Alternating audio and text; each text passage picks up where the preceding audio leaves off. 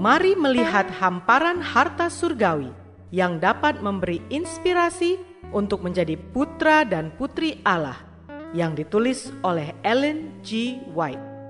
Melalui renungan pagi ini, kita akan mempelajari nasihat yang menguatkan dan memberi semangat untuk memperbaiki karakter kita.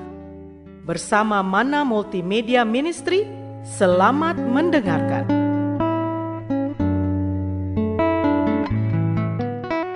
Shalom, selamat pagi saudaraku.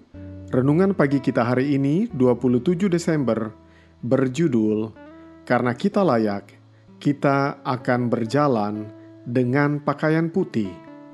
Bersama saya, Tommy Manawan. Ayat inti terdapat dalam Wahyu 3 ayat 4. Demikian firman Tuhan. Tetapi di Sardis ada beberapa orang yang tidak mencemarkan pakaiannya, mereka akan berjalan dengan aku dalam pakaian putih karena mereka adalah layak untuk itu. Berikut ini penjelasannya. Apabila sebagai pemenang kita akan berpakaian putih, Tuhan akan mengakui kesetiaan kita sama seperti pada zaman jemaat Kristen mula-mula ketika Dia mengakui di Sardis ada beberapa orang yang tidak mencemarkan pakaiannya, dan kita pun akan berjalan besertanya dengan pakaian putih, karena oleh perantaraan korban pendamaiannya itu, kita pun diperhitungkan layak. Mengingat semua janji yang menguatkan ini, betapa tekun kita harus berjuang untuk menyempurnakan tabiat yang akan menyanggupkan kita berdiri di hadapan Allah.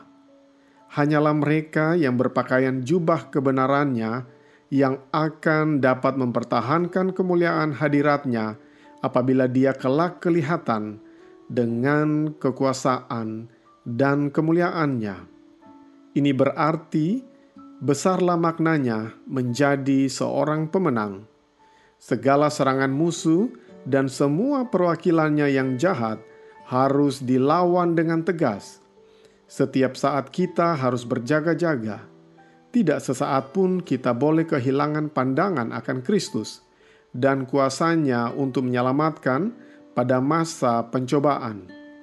Tangan kita harus ditaruh dalam tangannya agar kita boleh dikuatkan oleh kuasa keperkasaannya.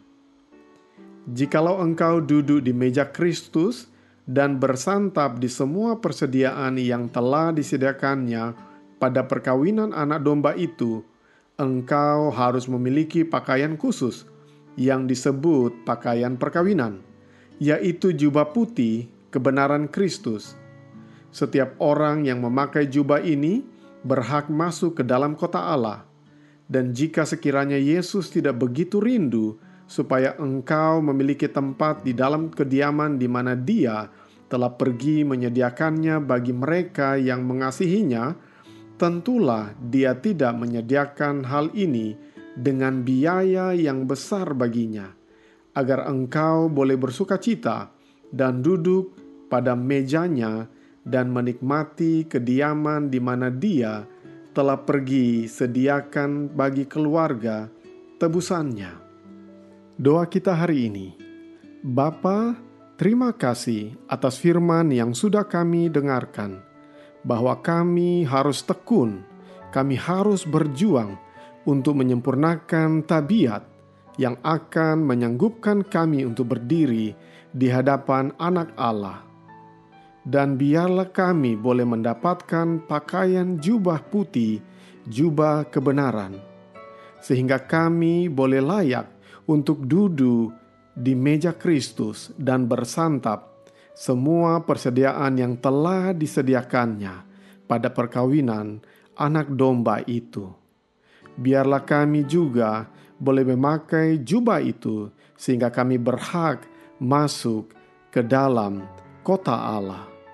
Terima kasih Bapa atas renungan ini. Inilah doa dan permohonan kami kepadamu. Di dalam nama Yesus kami berdoa. Amin.